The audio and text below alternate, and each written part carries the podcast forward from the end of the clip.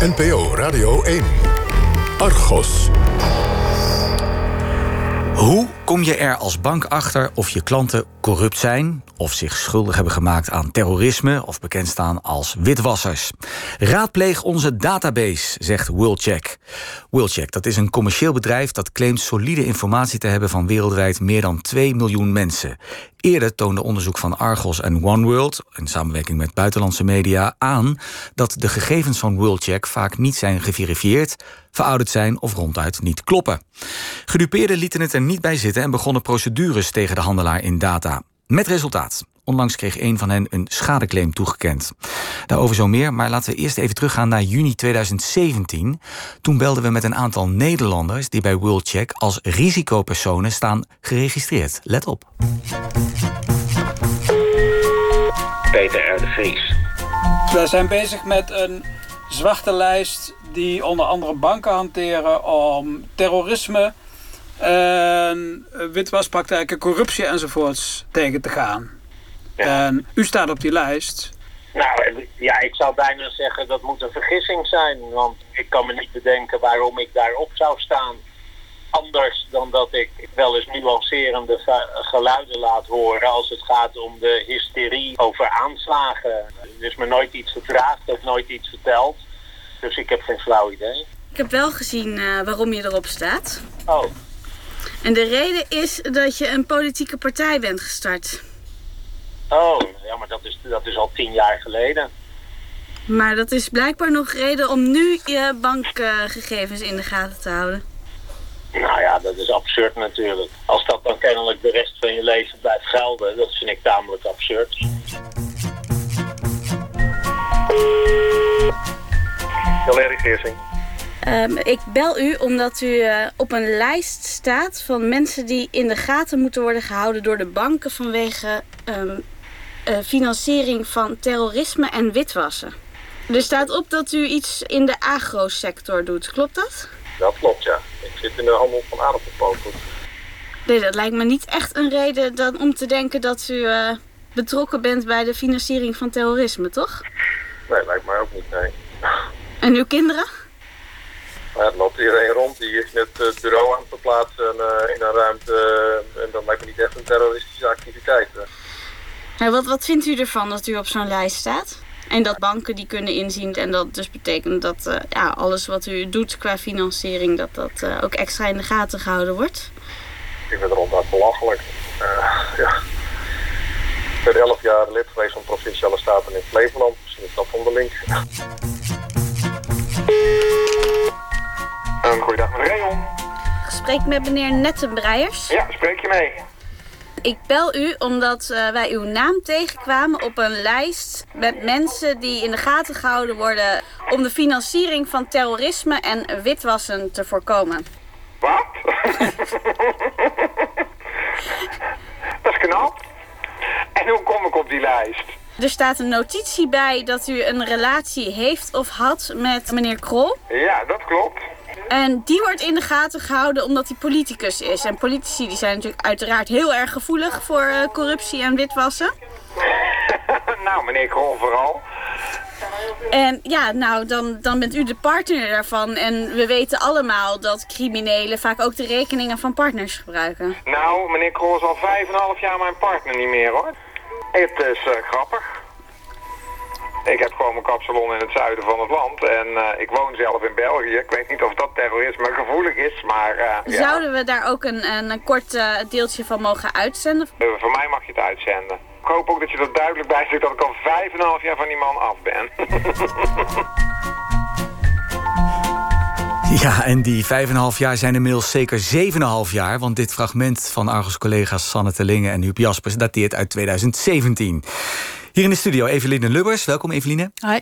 Je deed onderzoek, uh, dit onderzoek ruim twee jaar geleden samen met Sanne en Huub... en ook met een uh, aantal media uit andere landen, in het buitenland. Hoe kwamen jullie aan die lijst waar al die namen op staan... van mensen die van terreur worden verdacht?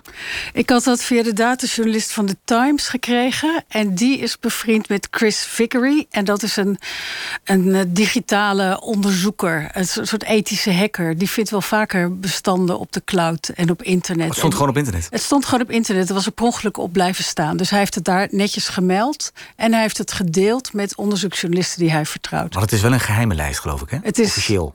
Uh, je kan hem niet zomaar inzien. Nee. En hoeveel Nederlanders staan daar uh, op die lijst? Uh, toen stonden er ruim 12.000 op. Dat is veel. Dat is best wel veel, ja. krijgen deze mensen dan ook allemaal, nou, laten we zeggen, de politie op hun dak als ze iets met geld doen bij een bank, als ze geld overmaken? Nou, deze mensen. Ze hebben allemaal zo'n label dus. Terrorist. Ja, ze hebben een label, maar er zijn verschillende labels. En zij stonden erop omdat ze politici uh, waren of relaties met politici hadden. En dan ben je gevoelig voor afpersing. Of dan, hè, dan worden je, je uh, wat je met de bank doet, wordt beter in de gaten gehouden. Maar zij krijgen geen problemen als het afsluiten van een bankrekening. Dat komt als je het label terrorisme achter je naam hebt. En wanneer krijg je dat? Uh, dat krijg je uh, als er ergens iemand, een, als er een regering een lijst publiceert dat jouw organisatie als terroristisch gezien wordt. Of als dat ergens op een of andere vage website staat. Zo. Dan, dan, dus dan kunnen jij en ik ook terrorist zijn in de ogen van iets of iemand. Zou zomaar kunnen.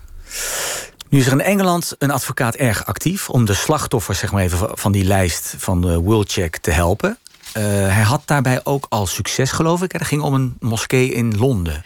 Ja, de, de Finsbury Park Mosque. Die is uh, daar voorheen, vlak na 9-11, kwamen daar wel radicale jihadisten. Maar dat is helemaal opgeschoond. Maar zij stonden nog steeds met het label terrorisme achter hun naam. En zij uh, hebben dat met succes aangeklaagd. En hebben ook een schadevergoeding gekregen. Dankzij die advocaat? Dankzij die advocaat. En dankzij dat succes heeft hij nog meer zaken aangespannen. We hebben het over Farouk Baywa. Hè? Dat is onder andere, uh, die heeft ook, ook andere cliënten bijgestaan. Jij hebt hem daar eergisteren over geïnterviewd. Laten we er even naar luisteren. Majid Al-Zir is one of the founders and leaders of an organization called the Palestinian Return Center. Majid Al-Zir is een van de oprichters en leiders van het Palestinian Return Center. Dat is een stichting die zich inzet voor de terugkeer van Palestijnse vluchtelingen naar huis. De stichting is erkend door verschillende internationale organisaties en heeft de waarnemerstatus bij de VN-raad voor de mensenrechten. They suspected they were on some sort of a problem with banks because their bank account was closed down in the UK. Ze ontdekten dat ze in de World Check database stonden nadat hun bankrekening in Engeland werd gesloten. Ik had eerder een zaak van de Finsbury Park moskee gedaan. En die hadden we gewonnen. Toen klopte Majed Alzeer bij mij aan, omdat hij weer normaal bankzaken wilde kunnen doen. The first thing we did was check with WorldCheck. We found out that they were all on the WorldCheck database listed as terrorists. Het eerste dat we deden was navragen bij WorldCheck hoe hij en de andere bestuursleden geregistreerd stonden. We kregen te horen dat ze allemaal stonden vermeld als terrorist. Dat was uiteraard erg verontrustend. Geen van hen is ooit veroordeeld of zelfs maar beschuldigd van iets dat met terrorisme te maken had, waar ook ter wereld. Ze maakten zich grote zorgen om hun goede relaties met verschillende regeringen en met de Verenigde Naties. Ze wilden weten hoe ze op die lijst terecht waren gekomen en nog belangrijker, hoe ze er weer vanaf konden komen. Unfortunately, we couldn't agree by correspondence. Helaas kwamen we er na een briefwisseling met WorldCheck niet uit. De Israëlische regering had een paar jaar eerder een lijst gemaakt met organisaties die zij als terroristisch beschouwen. En daar stond de Palestinian Return Center ook op. Dus het verweer van WorldCheck was: wij volgen slechts wat een regering heeft besloten. So the next step was we issued proceedings in the High Court. We hebben een procedure aangespannen bij de High Court.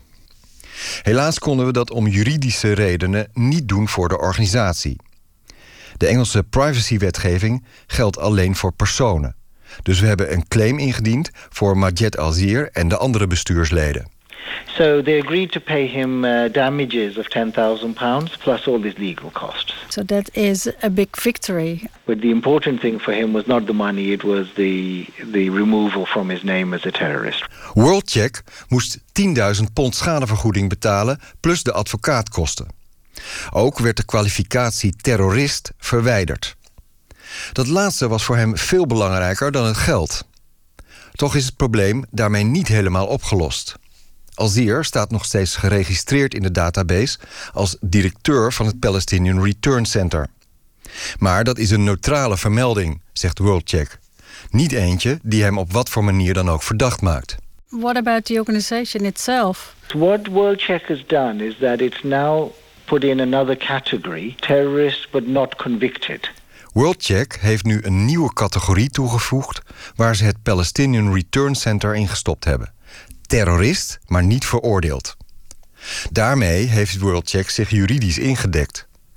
Ze vermelden er ook bij dat deze klassificatie gebaseerd is op informatie van de Israëlische regering.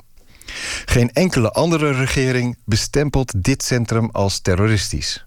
Have you filed any further cases? We are in the process of filing another case in November on behalf of former detainees of Guantanamo Bay. Wij zijn ook bezig met een zaak van voormalige gevangenen van Guantanamo Bay. Heel weinig van deze mensen, die daar door de Amerikanen werden vastgehouden, zijn ooit veroordeeld. Niet in de VS en ook niet elders. En toch staan ze op de lijst van WorldCheck als terrorist. Die registratie bij WorldCheck heeft ernstige gevolgen voor hen. Bijvoorbeeld om bankzaken te kunnen doen. Eén voor één kloppen ze nu aan bij ons. Het is ons tot nu toe gelukt om tien van hen van die lijst af te krijgen. Inmiddels hebben ook andere mensen bij ons aangeklopt die bij WorldCheck ten onrechte als terrorist staan geregistreerd. Bijvoorbeeld Oeigoeren. Any Uyghur anywhere in the world who has spoken out against China is now listed by the Chinese government as a terrorist. And that automatically, once WorldCheck get to hear of it, means an inclusion on their database too. Iedere Oeigoer die waar ook ter wereld zich kritisch uitlaat over China, wordt nu door de Chinese regering als terrorist bestempeld. Zo gauw WorldCheck daar lucht van krijgt, komen ze daar ook in deze categorie terecht. Er is een vrij grote Oeigoer-gemeenschap in Turkije en ook in Duitsland. Vooral die in Duitsland wordt dwarsgezeten door de Chinese regering. It does cause problems, of course. It can cause a lot of problems in travel. Natuurlijk veroorzaakt dit problemen, vooral als ze reizen. Ze krijgen bijvoorbeeld geen visa. Er is een zaak van een cliënt die naar het Midden-Oosten vloog en aan de grens te horen kreeg dat hij het land niet inkwam, terwijl hij daar minstens tien keer eerder was geweest zonder problemen. Vorig jaar kreeg hij ineens geen toegang. Hij vroeg waarom en kreeg te horen dat dat kwam door een internationale signalering. Wij denken dat dit komt door WorldCheck. We don't have documentary proof, but he was actually shown the screen by the immigration officer. We hebben hiervan geen bewijs in de vorm van een document. Maar hij kreeg het computerscherm te zien van de immigratieambtenaar. WorldCheck maakt er reclame mee dat ze veel overheidsinstellingen als klant hebben, inclusief immigratiediensten. We ontdekken dat meer en meer landen mensen en groepen klassificeren als terroristisch. Of het nou Egypte is, of China of Israël, allemaal regeringen met niet bepaald de beste reputatie als het om mensenrechten gaat. Ook niet gewelddadige politieke tegenstanders worden als terrorist gekwalificeerd. WorldCheck neemt dit soort lijsten over en zegt dan: het is niet onze verantwoordelijkheid. Het is de verantwoordelijkheid van de betreffende regering. They're able to then say, well, this is not our classification, it's the classification of the government of a country. WorldCheck is onlangs voor 55% overgenomen door de investeringsgigant Blackstone. Maar het systeem werkt nog steeds hetzelfde. We've noticed over time that names are added, names are removed. So there is some sort of a cleanup sometimes because they realize they make a lot of mistakes. Natuurlijk worden er steeds namen toegevoegd en soms ook namen verwijderd. Ze weten dat ze fouten maken. Maar ze geven geen inzage in de manier waarop ze fouten corrigeren. Natuurlijk vinden we in de database ook veel namen van terroristen of andere criminelen die daar terecht in staan. Hier hebben we uiteraard geen enkel probleem mee. Maar wat ons verbaast is dat er nog zoveel gegevens in staan waarvan inmiddels echt bewezen is dat ze niet kloppen. WorldCheck lijkt niet bereid om samen te werken met andere organisaties of advocatenkantoren zoals het onze om die fouten eruit te halen. WorldCheck, even despite quite strong evidence over the years, uh, seem reluctant to work with organizations or law firms like ourselves to try to clean up their database. Aldus advocaat Farouk Bayra uit Engeland, geïnterviewd door Eveline Lubbers, die hier nog steeds aan tafel zit. Ja, hoe gaat het nu verder, Eveline, in, in Nederland? Staat bijvoorbeeld uh, Peter R. de Vries nog op, op die lijst? Ik heb geen inzage in de huidige, het huidige bestand, maar ik weet dat er Kamervragen gesteld zijn en er onderzoek is geweest naar aanleiding van onze uitzending. En dat dit soort dingen zich in Nederland niet afspelen.